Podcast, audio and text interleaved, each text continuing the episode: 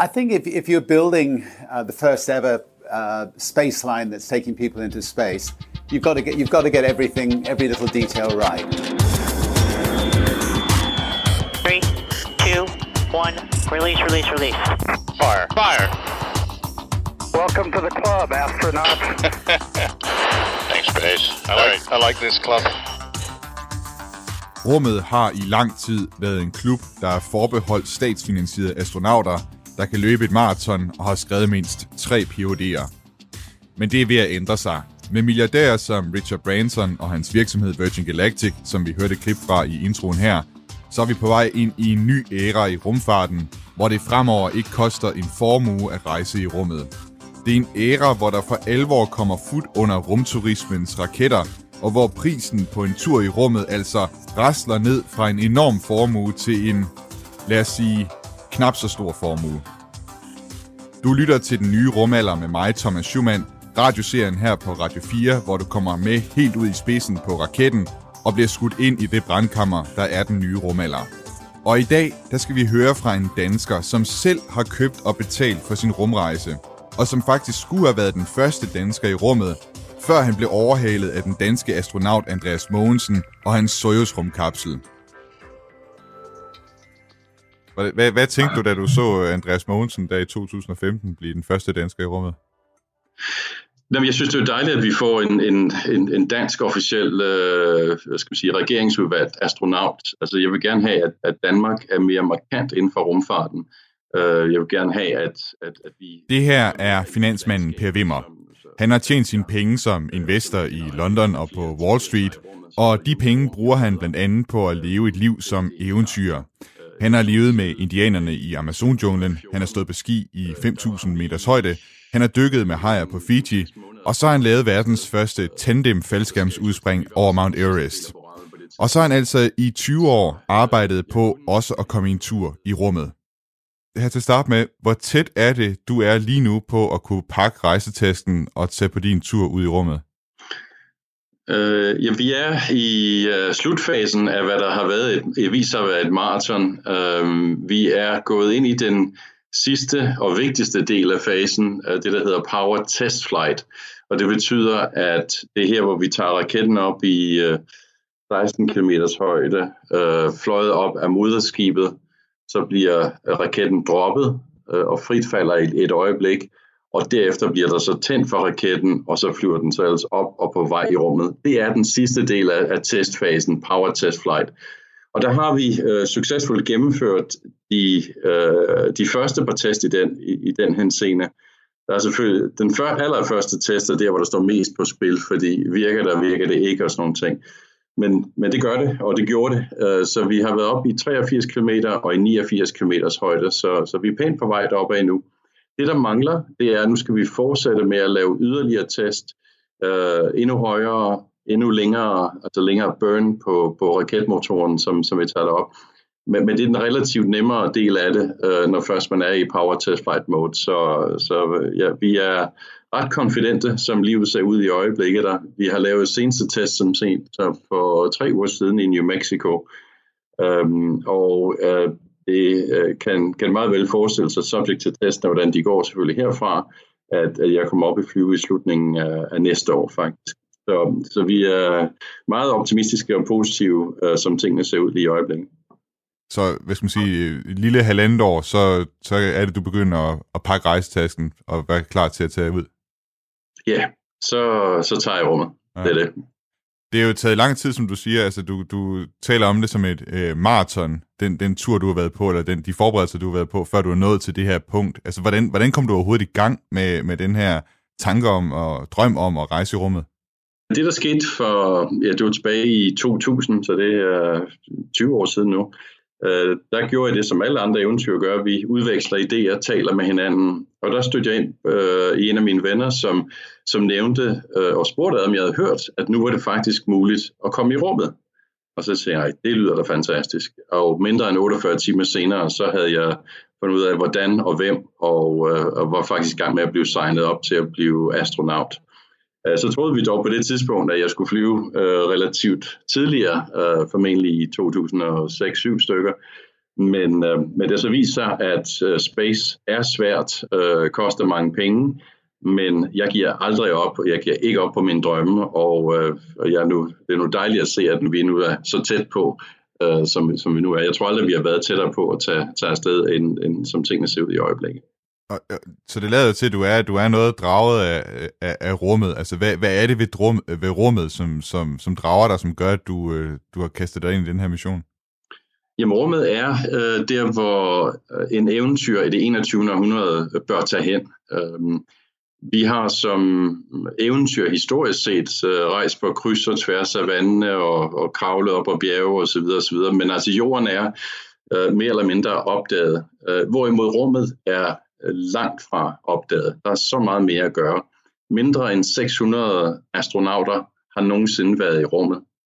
Det kommer vi til at ændre på. Vi kommer til at sende mange flere, øh, herunder også private astronauter, ud i rummet øh, over tid. Og du nævnte selv, at altså, du, du regnede egentlig med i sin tid at skulle have fløjet i 2008 allerede.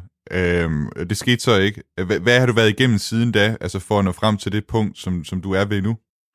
Jeg har gennemgået en, øh, en, en hel del uh, rumtræning. Uh, for det første har jeg uh, fløjet jægerfly uh, i Rusland, øh, MiG-25, og jeg har også fløjet L-39, både i Rusland og også i USA. Så en, en del øh, jægerflys øvelser, hvor man får en masse G-påvirkninger på kroppen, som er en rigtig god træning øh, for, inden man skal op i rummet. Der får man rigtig, rigtig stor G-påvirkning på, på kroppen. Derudover så har jeg lavet vægtløs træning, øh, fløjet Illusion 76 fly, altså stor cargofly, hvor man flyver op i en højde af 16 km, og så styrtdykker flyet ned derfra med en acceleration svarende til tyngdekraften. Og det gør, at tyngdekraften bliver ophævet, og man derfor oplever 30-40 sekunder af vægtløshed øh, på vej ned ad gangen. I, og så flyver man sådan i paraboler op og ned, op og ned, op og ned. Og så for det tredje øh, har jeg siddet i centrifugen, både i Rusland og i USA, hvor man bliver spændet rundt, øh, ligesom man ser i øh, James Bond Moonraker-filmen, øh, bortset fra den, den centrifug, han bruger, det er en, er en lille mini-udgave. Øh, dem vi bruger er, er, nogle, er nogle store nogle, og de er faktisk i verdens største centrifug, øh, det er den, der er i Rusland, øh, hvor man bliver spundet rundt hurtigere, hurtigere, hurtigere, og dermed kan fuldstændig simulere på kroppen, hvordan en raketopsendelse den føles øh, med G-påvirkninger og så videre.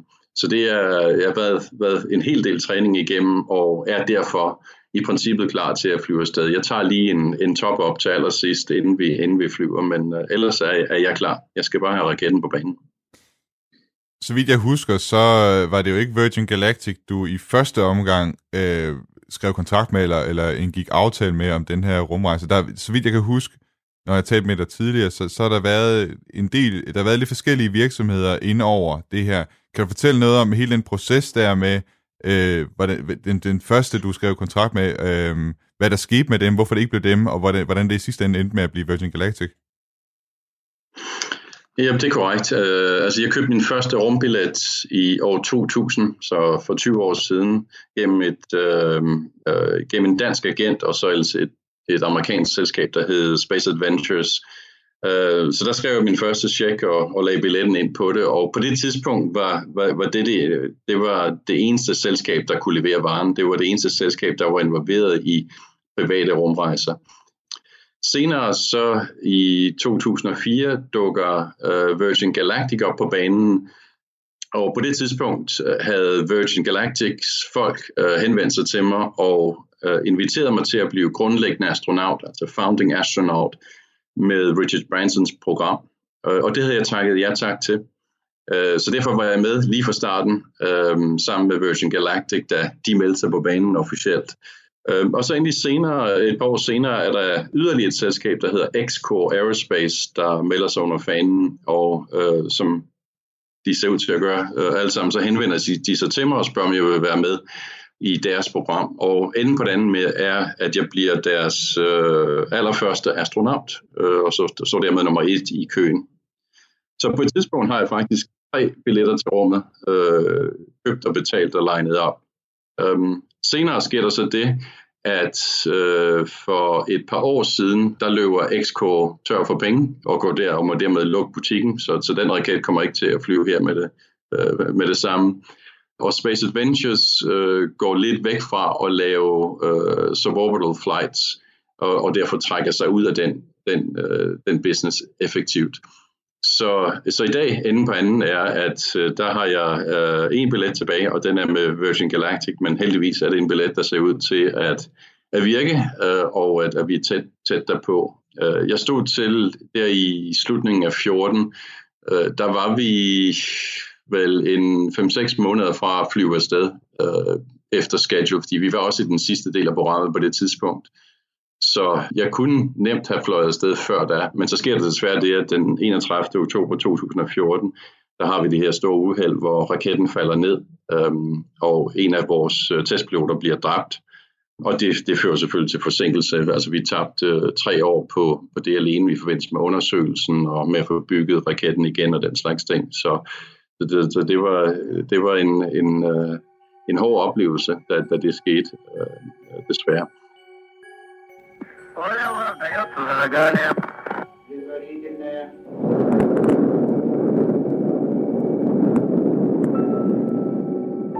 Rumfart er både svært, dyrt og farligt. Siden Yuri Gagarin i 1961 blev det første menneske til at rejse i kosmos, har der kun været 566 mennesker i rummet. Så det er en meget eksklusiv klub astronauter, som Andreas Mogensen tilhører, og som Per Wimmer i 20 år har arbejdet på at komme ind i. Men der var faktisk en periode, hvor millionærer kunne købe sig til en tur i rummet. 10 секунд. Параметры системы управления носителя в норме. Самочувствие экипажа хорошее, на борту порядок. og de her millionærer fandt døren til rummet i det selv samme land, som for 79 år siden sendte Yuri Gagarin i rummet.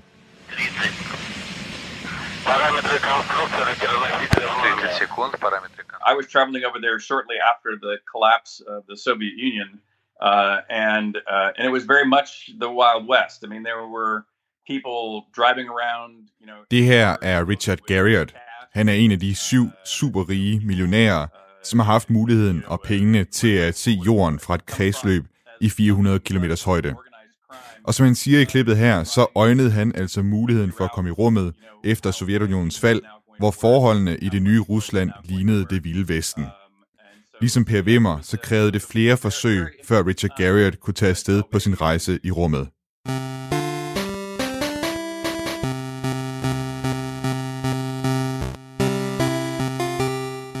Da det i slut 90'erne kriblede i Richard for at komme i rummet, var der ikke nogen virksomheder, han kunne henvende sig til. Så han var selv med til at grundlægge dem og investere i dem med de millioner af dollars, han havde tjent som spiludvikler. Det var virksomheder som Space Adventures og Ansari X-Prize, altså to virksomheder, der skulle bane vejen for rumturisme og tage private astronauter op til den internationale rumstation i russernes Soyuz-rumkapsler. Det var også derfor, at Richard stod forrest i køen, da den første private astronaut skulle sendes i rummet. However, this was in the year 2000, and you might remember that something happened in the year 2000, which was the dot com crash globally. And as a video game maker, all of my net worth was tied up in. Men da dagen endelig nærmede sig i år 2000, endte Richard med at måtte sælge sin billet til en anden. IT-boblen brast, og Richards millioner fossede ud af det computerspilfirma, han var blevet rig på at udvikle. Det var en speciel tid for de private astronauter, og millionærerne havde kun en skrøbelig adgang til rummet. På det her tidspunkt var der kun to rumskibe, der fløj op til den internationale rumstation, den russiske Soyuz-rumkapsel og den amerikanske rumfærge. Og amerikanerne solgte ikke billetter, så det var kun hos russerne, at folk som Richard Garriott kunne få sig en tur i rummet. GC flight. GC flight. Fly GC. Lock the doors. Copy. Fido, do you have any tracking? No, sir. My C-bands uh, have not required anything. We are... Da Columbia rumfærgen i 2003 brændte op i atmosfæren, og alle syv astronauter døde, blev Richard Garriotts rumrejse yderligere forsinket, da Soyuz-rumkapslen i to år var den eneste adgang til den internationale rumstation for de russiske kosmonauter og for de amerikanske astronauter. Men det lykkedes endelig for Richard at komme i rummet i år 2008. Copy. International Space Station now in free drift. to prevent any inadvertent jet thruster firings. Docking occurring over Kazakhstan. You see Richard Garriott, the spaceflight participant, arriving on board the complex. Being in space is a pretty awesome experience, and uh, and while some of it are things you would expect, you know, you've been through weightless training, weightless training before, uh, but you know, there are certain things that you really can't. Richard han siger, at det er en ret suveræn oplevelse at være i rummet. Og nogle af oplevelserne, dem var han forberedt på, men så var der også andre, som kom helt som en overraskelse. Det bedste eksempel på det er udsigten ned på jorden. Den er helt fænomenal. My first thought uh, was not, "Ta-da! I made it to space! What an amazing view!" My first thought was, "Wow, we are not that high up as much as I, you know, the view."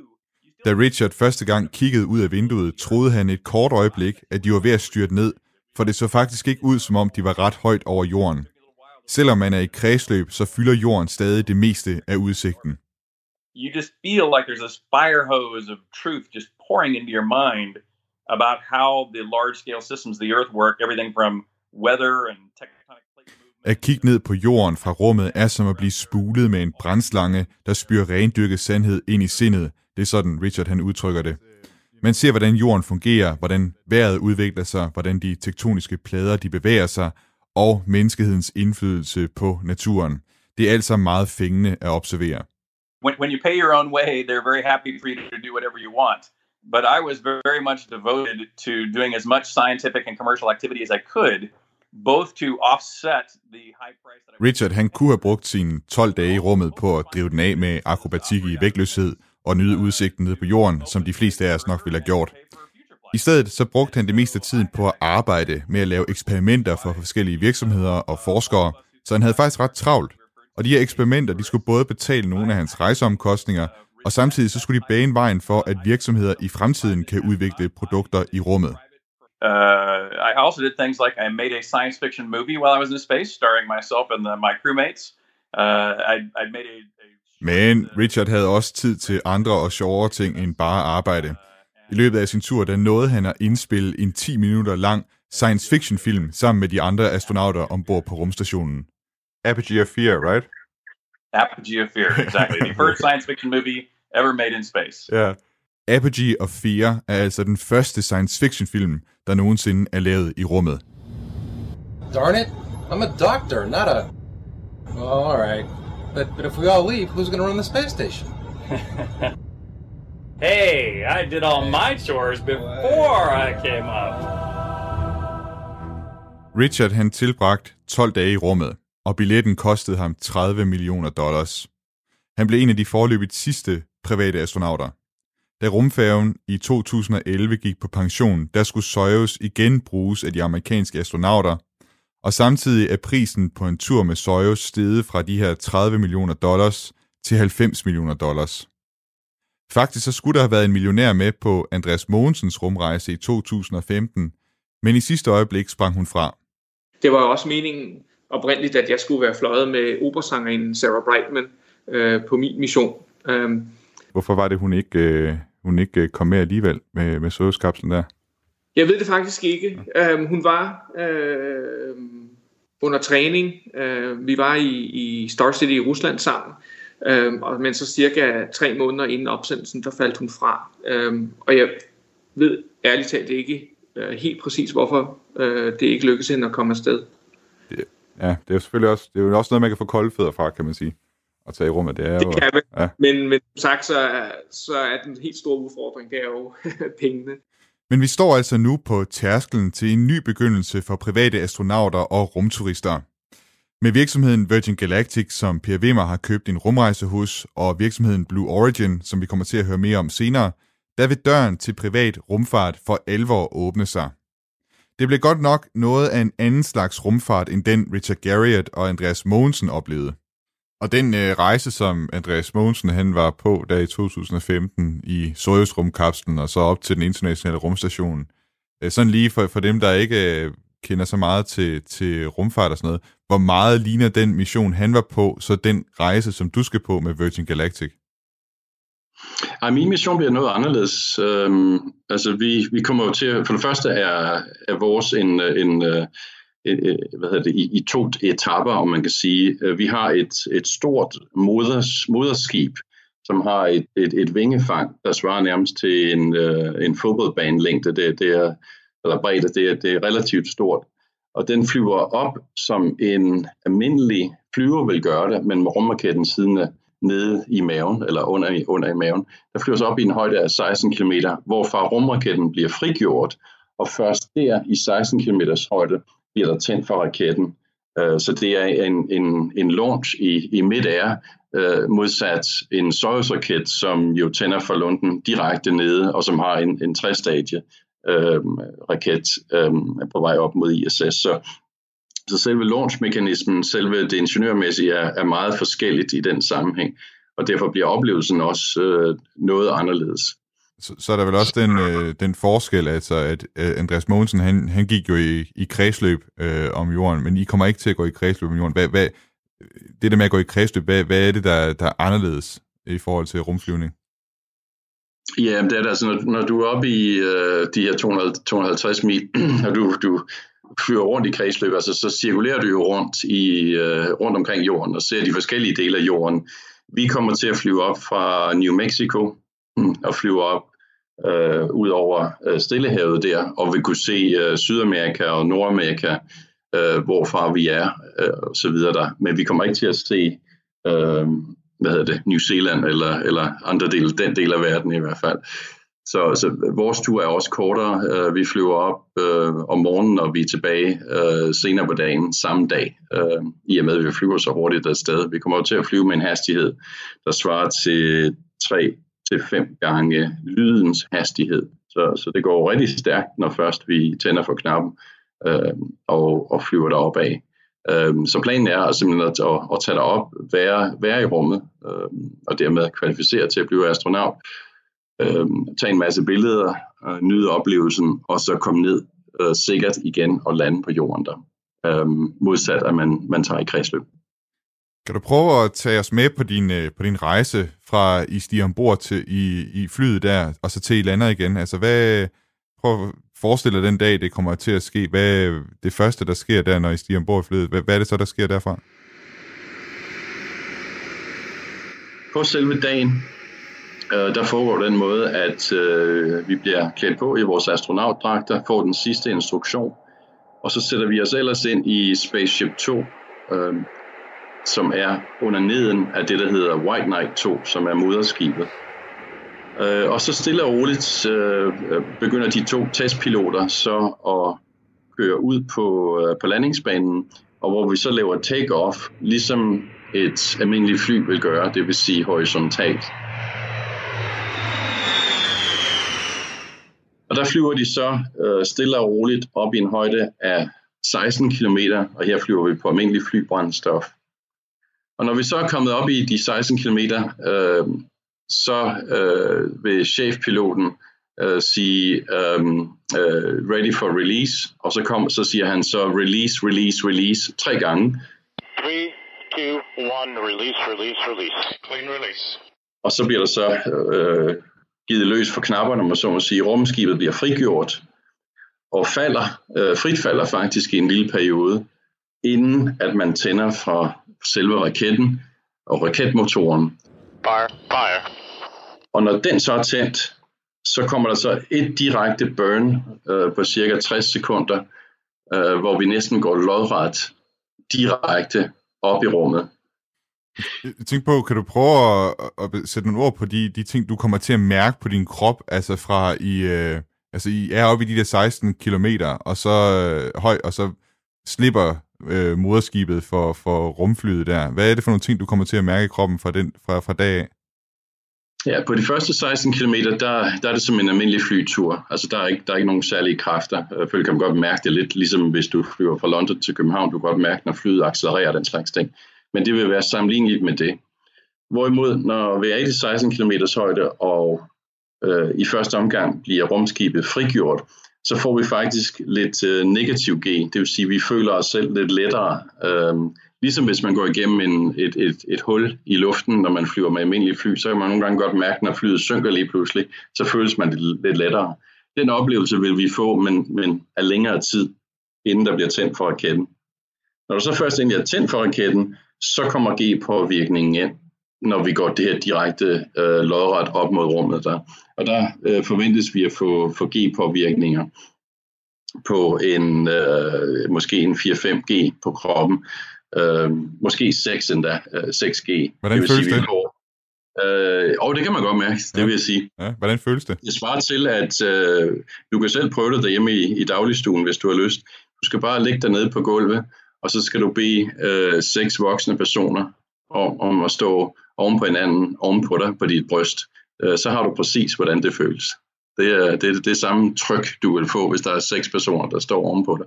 Så man kan godt mærke det, øh, og derfor er det også vigtigt, at, at man skal, har nogle øvelser og nogle, en måde, hvor man kan modstå det her tryk, som, som kommer. Nu var det heldigvis ikke så længe. Øh, man kan sige, hvis det var øh, hvad ved jeg, 10 og 15 minutter, så, så, så kunne det godt være, at det var lidt hårdt at trække vejret. Men, men det er relativt kort i, i tid. Øhm, desuden så sker der også det, at øh, samtidig med at man får de her øh, GX-tryk, som det hedder, på brystet, så er der også GZ-tryk, der spiller ind. Og det vil sige, det er altså tryk, der hiver blod ud af hovedet. Og der har vi så også lært nogle øvelser, hvordan man kan modvirke det. Øh, Så der får vi 3GZ, altså 3G, der hiver blod ud af hovedet. Og det er faktisk den sværeste del af det, for være helt ærlig. Øhm, Det her med de seks personer, der står oven på en, det, det kan man sådan modstå ved at stramme brystet og musklerne og sådan ting. Men, men øh, det er faktisk de 3G-sæt, der er de, der, der er de sværeste. Og det er også der, hvor, hvor man potentielt set øh, kan, kan passe, passere lidt ud, hvis det, hvis det, hvis det skulle være. Øhm, Så, man, man kan simpelthen besvime på grund af, at blodet det forsvinder fra hovedet. Ja, ja det, det- kan man godt, og man, man kan også godt blive lidt kvalm. Altså, der er cirka 25 procent af, af alle astronauter, der flyver i rummet, de, de, bliver typisk lidt skidt tilpas på et tidspunkt. Um, det, det er ikke atypisk. Men selvfølgelig har vi alle sammen gjort så meget som er muligt for at kunne træne og for at mitigere øh, den oplevelse, som man ligesom er vant til at, at være i en vægtløs øh, tilstand, øh, og også blive udsat for de her tryk. Det, det er jo derfor, vi har træningen så man er mere komfortabel med det. Men, men det er ikke atypisk, at, at, at nogen godt kan blive lidt, øh, lidt, lidt utilpas undervejs, men, men det er en del af det. Sådan, sådan er det. Der er altså folk, der er mere øh, disponeret til det end, end andre, øhm, men det finder man ud under, under træningen. Har I, øh, har, har I brækposer med? Øh, det har vi faktisk, ja. Okay. Øh, og det har vi også under træningen. Altså når vi laver vægtløs træning, så har vi, øh, jeg har en særlig, øh, et særligt flight suit på, som har en masse lommer rundt omkring, og, og i hver af de lommer, der, der ligger der en bikepose, så, hvis man lige skal bruge en. Men altså typisk, hvis vi træner, skal vi sige 15 stykker i en vægtløs træning, er der måske en, to eller tre, der, der ikke har det så godt hen i hjørnet. Så, så det, er, det er en minoritet, øhm, men, men men det sker altså for nogen, det, det, desværre. Det er nogle store tryk, man bliver udsat for. Det, er, det, det gør også, at ens forhold til oplevelser som Tivoli og den slags ting bliver sat lidt i relief. Det, det, er, det er lidt for, hvad hedder det, for nybegyndere, om jeg så må sige. Det, det er nogle store tryk, der man, man bliver udsat for. Har du nogensinde øh, fået kvalme øh, i den træning, du har lavet? Nej, jeg er faktisk øh, jeg er så en af dem, der, der, har, der er relativt resistente over for det. Ja. Øh, så, så, det, så det har jeg faktisk ikke. Øhm, men, men jeg har set kollegaer, som har haft det mindre godt undervejs. Altså det, det, det sker desværre. Men det kommer også an på, hvor meget man presser citronen. For eksempel når man går i vægtløs, øh, der er, og det er særligt nogle af, af macho-mændene, om jeg så må sige, der virkelig tror, de kan det hele, og man bliver, de bliver sådan helt nærmest beruset af at være i en vægtløs tilstand for den første gang, og derfor ender de med at spinde rundt øh, rigtig, rigtig meget. Og, og det kan være stærkt medvirkende til, at at man, man kan blive meget, meget kvalm. Øhm, fordi man tror, man kan mere med det samme. Man skal være lidt mere forsigtig i sin approach til det, tror jeg. Øhm, dem, der gør alt for meget, alt for hurtigt, øh, de, de, kan, de, er, de har en risiko for at blive, øhm, øh, blive hvad hedder det, øh, kvalme. Den der følelse, der så er, når I kommer op i, øh, i rummet, du ved, motoren er slukket, og I driver bare opad i, i, i rummet og er derude. Hvordan er det? Hvordan føles det at være vægtløs derude? Og, og hvad kommer I til at lave inde i rumskibet? Jamen, det er en fantastisk oplevelse at være vægtløs. Øh, den er sådan helt surrealistisk første gang vægtløshed sætter ind. Altså man, man tror, det er løgn. Altså man har jo selvfølgelig set, øh, har jo set, øh, har jo set filmen, og du har set billeder og den slags ting, men når, når man oplever det første gang selv, så er det bare helt fantastisk. og det er en berusende oplevelse, fordi det er så anderledes. Det er, det er noget, man aldrig har oplevet før. Så det der med pludselig at kunne flyve rundt i et begrænset rum, altså inden for kapslen eller inden for det vægtløse fly, man nu engang bruger, det er, øh, det er fantastisk. Det er totalt fedt for, for det første. Øh, det er en enorm berusende oplevelse øh, uden alkohol. Og, og det, det er bare super sjovt. Altså. Og, og så er det jo kun fantasien, der sætter grænser derfra. Øh, vi har jo lavet alle mulige forskellige øvelser derop herunder Superman, hvor hvor man strækker øh, den ene hånd ud med en knytnæve, og så flyver fra den ene ende af, af det vægtløse fly til den anden, og leger Superman. Vi har, lavet, vi har slået koldbøtter, vi har spillet volleyball med hinanden, øhm, og der var endda nogle af mine medastronauter, de havde på et tidspunkt en øh, Formula 1 øh, bil med op i vægtløs tilstand også, altså fordi det kan man også. Øhm, så, så det er kun fantasien, der sætter grænse for, hvad man kan gøre. Vi havde også en, en persisk øh, øh, astronaut, der var med op en gang, og han havde taget et tæppe med, så han legede flyvende tæppe øh, i, op i vægtløs træning. Så, så der er mange sjove ting, øh, man kan lave, øh, når først fantasien får lov til at udfolde sig. Vi vil se øh, den, den smukke, runde jord, øh, og kan derfor også bekræfte, at den er rund og ikke flad. Øh, vi vil se øh, en, en, en, en god del af, af Nordamerika og Sydamerika, øh, plus øh, oceanerne. Så, så det, det er, en, det er en, en helt anden og, og meget højere og smukkere udsigt øh, i forhold til en, øh, en fly, flytur i 10 km højde. Spaceship Unity, welcome to space. Copy base, million dollar view. Øhm, og hvis der er nogen videnskabelige forsøg, der skal gøres, så kan vi, så kan vi gøre det øh, inden for den relativt korte tid. Altså vi har, jeg tror vi får maks en, en 20 minutter eller den slags ting i rummet der, så det går relativt hurtigt, når vi først er deroppe. Okay, doublets are complete. Switches are coming clean. Alright, further handles coming up. Øhm, og så sker der så det, at så får vi så besked på, at nu skal I tilbage ned i uh, sædet igen. Uh, find jer sæder og spænd jer fast igen. Øhm, og når vi så går igennem den jordens atmosfære, opstår der friktion, øhm, hvor temperaturen kommer op på cirka 3000 grader på vej, på vej ind. Øhm, og når vi er kommet igennem det, som var et par minutter, øh, øh ja, så derefter så skal vi så prøve at finde Spaceport New Mexico og Spaceport America igen, og lande ned på, på landingsbanen med, med, med tre, øh, tre hjul nede.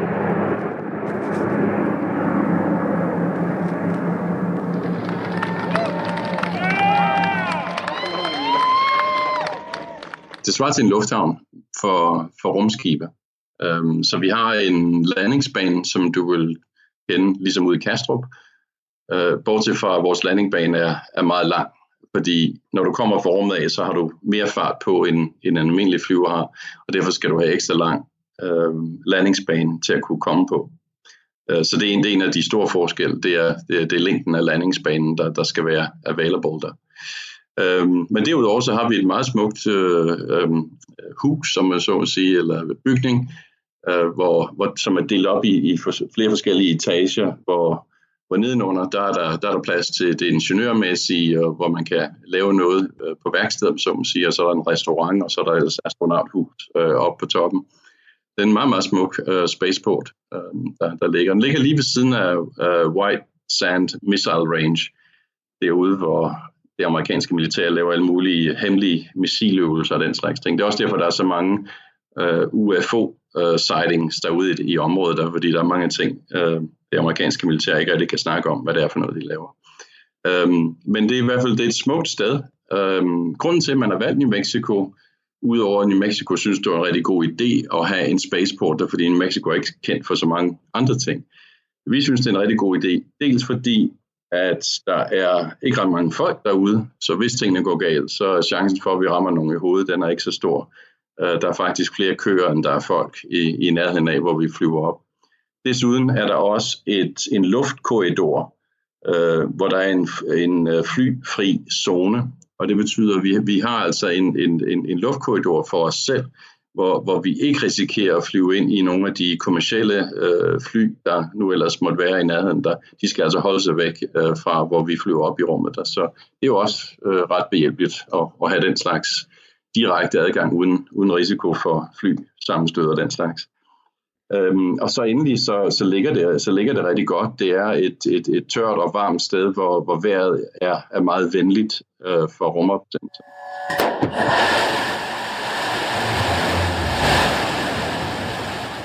Tre og en halv timers kørsel sydvest for Virgin Galactics rumhavn i New Mexico, gennem ørkenen og igennem El Paso, ind i det vestlige Texas ved landsbyen Van Horn, slumrer en sovende kæmpe, en kommende konkurrent i ræset om rumturismen. Look at her go. Mission Control has confirmed New Shepard has cleared the tower on her way to space from West Texas.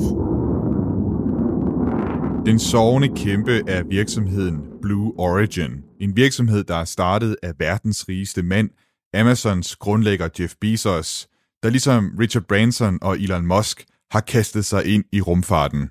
This is me in high school, and I want to highlight this quote The earth is finite, and if the world economy and population is to keep expanding, space is the only way to go. I still believe that. Jeff Bezos sælger rask væk en million af sine Amazon-aktier til en værdi af milliarder af dollars for at finansiere Blue Origin. Blue Origin har over de sidste år gennemført en række tests af deres New Shepard-raket og rumkapsel, som altså skal give rumturister en kort tur i rummet. Kan du prøve at beskrive, hvordan deres tilgang til at lave de her rumrejser er forskellig fra den, du skal på? Ja, ingeniørmæssigt er det, er det en, en helt anden måde at, at tænke øh, opsendelse på, øhm, fordi øhm, Blue Origin har basalt set bare en, øhm, det svarer lidt til, at man har en capsule, øh, der, der sidder nede på launchpadden. man sætter sig ind i den. Der er ikke nogen piloter med ombord, så der er ingen testpiloter. Øh, det hele er automatiseret, hvilket for nogen godt kan virke en lille smule afskrækkende. Øh, fordi hvad nu tingene går galt, hvem snakker man så lige med? Altså der er ingen piloter med. Øh, så der er kun passagerer med, som så sidder der. Og så bliver den raket, den bliver bare sendt direkte op i rummet, og så ned igen samme sted. Så det svarer lidt mere til en slags elevator øh, med, raket, med raketter ude på siden, hvor man altså flyver direkte op og flyver tilbage direkte ned og lander øh, præcis samme sted øh, hvor man så har nogle, nogle raketmotorer, der er med til at sørge for, at man får en, en blød landing. Men altså uden, uden piloter, øh, øh, men samtidig med, med, med godt udsyn osv. Så, videre. så det er en meget anderledes rakettype, øh, vi taler om her, øh, i forbindelse med Bezos spor. Og de øh, lader jo også til at være ret tæt på. Er, er det sådan et sammenligneligt tidspunkt, øh, de regner med at skulle sende deres første øh, kunder i rummet som, som Virgin Galactic, eller kan man sige noget om, hvem der hvad skal man sige, ligger tættest på? Ja, altså for det første har, har Blue Origin, de har ingen kunder overhovedet, øh, fordi det er, det er ikke muligt at købe en billet, ellers havde jeg købt en. Men øh, der, er, der er lukket for butikken, øh, og det skyldes jo ikke mindst, at, at Jeff Bezos ikke har behov for indtægter. Øh, han er jo mange, mange, mange milliardær. Han er en af verdens rigeste personer, hvis ikke den rigeste. Øhm, og han bruger cirka 1 milliard dollars om året altså hans egen penge på at finansiere det her. Så, så det der med at, at, at skulle blive distraheret af at have kunder i butikken, øh, det er ikke noget, han går så meget op i. Han holder kunderne væk og har fokuseret derfor på at få lavet teknikken og øvelserne. Og når det kommer til de første opsendelser, øh, så, så bliver det jo selvfølgelig spændende for ham også, men, men han har videre ambitioner, så for ham er, er de her suborbital flights, det, det er kun den første del af det at han vil videre ud og, og har, Øh, har større og højere ambitioner derfra. Så han tager lidt det, det, det længere, de længere synende briller på her. Så som tingene ser ud lige nu, øh, der er øh, Virgin Galactic den, den eneste billet, der er available, øh, som man kan flyve op med øh, privat. Ellers så skal man over hos øh, SpaceX øh, og, fly, og, og købe en orbital billet på en øh, Falcon 9. Øh, de har indtil videre ikke taget private med op øh, heller, men nu havde de jo her for, i sidste uge en succesfuld, den første succesfulde opsendelse af to NASA-astronauter, øh, Bob Behnken og Doug Hurley, der blev succesfuldt sat hele vejen op øh, efter en 19 timers rejse op til den internationale rumstation. Så han kan jo levere varen, det har han jo bevist, øh, så det er jo imponerende, og det kommer til at åbne op for yderligere privat rumfart derefter på et tidspunkt. Og vi bliver lige et øjeblik ved SpaceX og Elon Musk og drømmene om rumfart for private, der rækker endnu længere ud i rummet. The time has come for civilians to fly to the moon. In 2023, SpaceX will launch the world's first private lunar mission with its spacecraft, BFR. Den nye rumturisme, den ser nemlig ikke ud til at gøre stop hos de korte hop, man kan få hos Richard Bransons Virgin Galactic eller Jeff Bezos' Blue Origin. The first passenger will be Japanese entrepreneur Yusaku Maezawa. I september 2018 trådte Yusaku Maezawa op på scenen hos SpaceX sammen med Elon Musk og afslørede sig selv som den første til at købe en billet til at flyve rundt om månen på rumskibet Starship. Starship, eller BFR, som det også er blevet kaldt tidligere, er det rumskib, som Elon Musk vil bruge til at sende mennesker til Mars med. Men den første kunde er altså en japansk kunstsamler, som vil flyve rundt om månen med et hold kunstnere. A painter, photographer, musician, film director, fashion designer. Maezawa will invite artists that represent Earth on his journey to the moon. I choose to go to the moon with artists. With artists. From now, I choose to invite artists from around the world. An awe inspiring, global, universal art project is about to begin. Dear Moon.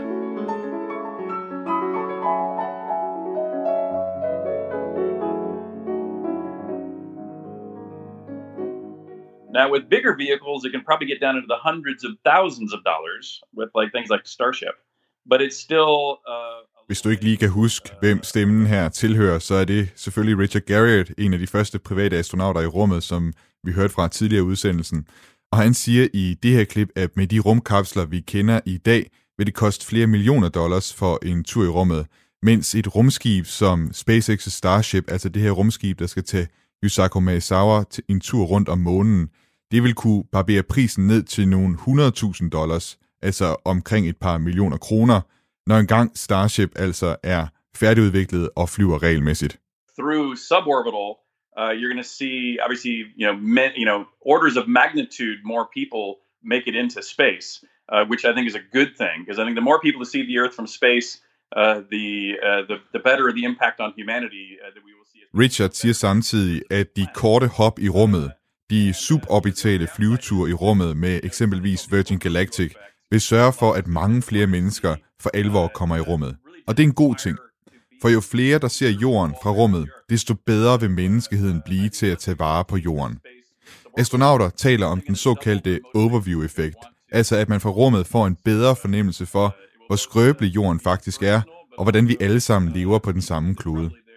Ifølge Richard, så vil de suborbitale flyveture give folk blod på tanden til for alvor at tage i rummet og blive ramt af overview-effekten. It's uh, 12 years uh, ago since you, you went to space. How much of that overview effect uh, is still there within you? Uh, uh, very much. I mean, it really did kind of fundamentally change your outlook on the scale and size and and your purpose, you know, here on Earth, uh, and that very much still sticks with me. Og den her effekt, den hænger altså ved hos Richard Garriott 12 år efter hans tur i rummet. Det har forandret hans syn på, hvor han er i universet og hvad hans formål er. Men om folk de så har lyst til at tage i rummet, selvom det bliver billigere, det er en anden snak. Jeg var ude og spørge folk på Banegården i Aarhus, om de kunne tænke sig en rejse i rummet, selv hvis de fik billetten gratis. Goddag, jeg kommer fra Radio 4. Må jeg ikke lige stille dig et hurtigt spørgsmål? Du sidder ellers uh, her uh, helt... Du skal til samtale. Det er, bare, om, det er bare, om du kunne tænke dig at rejse i rummet, hvis du fik muligheden. Om du kunne tænke dig at tage en tur, en rejse i rummet, hvis du fik muligheden. Nej, det tror jeg ikke. Hvorfor ikke? Det siger mig ikke noget. Desværre. Dag, jeg kommer fra Radio 4. Må jeg ikke stille jer et hurtigt spørgsmål? Om I kunne tænke jer at tage en rejse i rummet, hvis I havde muligheden for det? Nej, helst ikke. Hvorfor ikke? Nej. Jeg er ikke så vild med at flyve. Okay. Tak skal du have. Dag, jeg kommer fra Radio 4. Jeg har lige et hurtigt spørgsmål. Hvis du havde muligheden for det, kunne du så godt tænke dig at tage en rejse i rummet? Ja, det kunne jeg helt sikkert. Hvorfor kunne du godt det? Jamen, det, det er spændende for, hvad siger man, øh, artens overlevelse, at vi kan komme ud på, i rummet og leve på andre planeter og sådan. At det kun er begrænset til jorden. Er det noget, du kunne, kunne finde på at spare op til? Øh, alt efter prisen. Tænker det, øh, det bliver meget dyrt, så, så det, det er nok ikke noget, jeg har råd til lige forløbig, men øh, hvis det kom ned på et øh, niveau, hvor man kunne betale sig fra det, så kunne jeg helt sikkert. Jeg var spændt på at høre Per Wimmer, der jo selv har købt en billet til rummet, om han mener, at der rent faktisk er nok mennesker, der vil i rummet, til at holde rumturismen i gang. Tror du, at der dels er interessen, øh, en stor nok interesse for at rejse i rummet, og for så vidt også øh, nok mennesker med penge til det, til at det kan bære sådan en, en, en rumturismeindustri? Uden tvivl. Uden tvivl. Altså for det første kan du, kan du sige, altså Virgin Galactic er jo, er jo børsnoteret nu med en markedsværdi på 3 milliarder dollars. Så der er i hvert fald nogen, der tror det. Øh, og man kan sige, de har jo også allerede taget depositum ind fra, fra folk, øh, som er over, over 100 millioner dollars, der, der, der er kommet ind, og det er reelle penge, der, der, der sidder i, i deposit i øjeblikket. Så, så det, det er der ingen tvivl om, der er. Øh, der er rigtig mange, der har lyst til at tage i rummet. Interessant nok, når jeg taler med folk, når jeg er ude og holde foredrag på, på skolevirksomheder, så oplever jeg, at øh, måske øh, 8 ud af 10 mænd, jeg møder, de synes, det simpelthen er totalt cool og virkelig fedt, og, og hvordan, hvordan kan man komme med, og hvordan kan det lade sig gøre, og de er meget interesserede i at gøre, at gøre det selv. Hvorimod øh, måske 7 ud af 10 kvinder synes også, det er fedt og spændende og sådan ting, men de vil bare ikke med. De bliver gerne på jorden. Så der er altså en, en, en eller anden underlig øh, difference der øh, mellem kønnene. Jeg tror, tror, det er noget, som, som også øh, bliver så billigt på et tidspunkt, at, at det bliver mere altså sammenlignet med en, lad os sige, en, en dyr ferie, men ikke noget, som, som ruinerer øh, almindelige mennesker?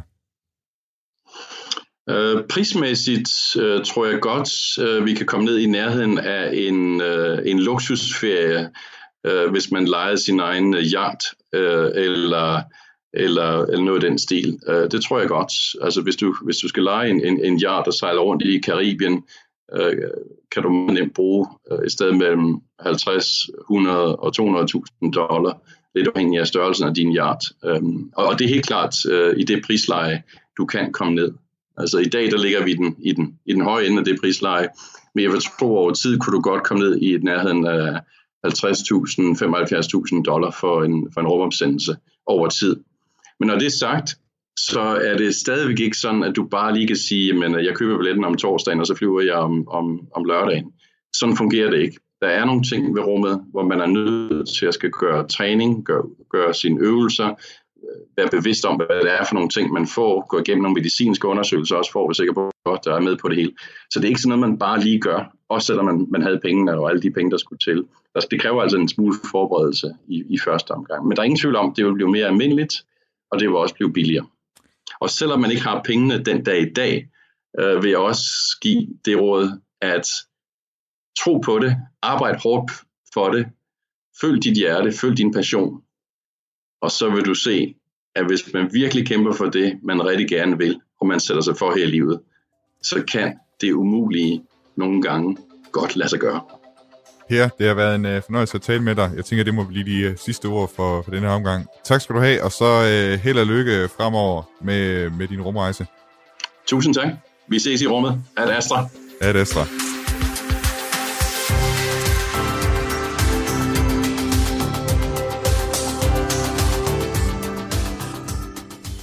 Det kan være, at du sidder derude nu og er blevet inspireret og altså vil begynde at spare op til din rumrejse. Og så kan det være om nogle år, at du svæver rundt derude i flere hundrede kilometers højde over jorden og bliver et bedre menneske på grund af overview-effekten. Du har lyttet til den nye rumalder med mig, Thomas Schumann, og du kan lytte med igen på næste søndag kl. 10 minutter over 12. Du kan finde alle tidligere udsendelser af den nye rumalder på Radio 4's hjemmeside, på Spotify og på Apples podcast player. Hvis du har ris, ros, kommentar eller spørgsmål om rummet, så er du mere end velkommen til at sende det til mig på showstar Det staves s c h o s t a r gmail.com. Indtil vi høres ved igen, så ønsker jeg dig god rumfart. Ad Astra.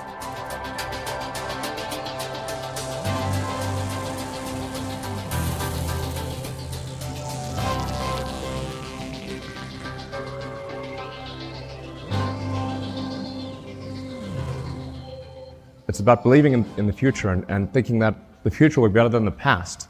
Um, and I can't think of anything more exciting than going out there and being among the stars. That's why.